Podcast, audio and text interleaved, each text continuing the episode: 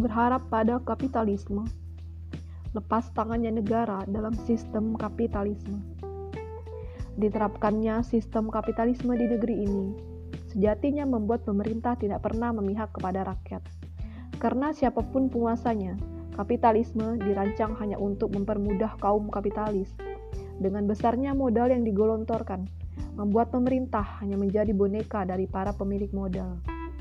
Iming-iming investasi besar dan pembangunan infrastruktur yang gila-gilaan pun bukan demi kepentingan rakyat, melainkan agar para kapitalis makin kokoh mencengkeram negara jajahannya. Apa yang tersisa untuk rakyat? Hutang, biaya hidup yang makin mencekik, akses pendidikan dan kesehatan yang serba terbatas, dan pelayanan publik yang tidak manusiawi harganya. Bagaimana dengan Islam? Berbeda dengan kapitalisme yang hanya memihak kepada para pemilik modal. Islam adalah ideologi yang memerintahkan negara untuk bertanggung jawab penuh dalam mengurus urusan umat.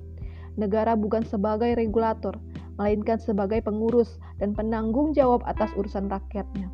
Sehingga siapa pun pemimpinnya dipastikan adalah pemimpin yang adil dan amanah yang akan menghabiskan seluruh waktunya untuk mengatur hajat hidup rakyatnya.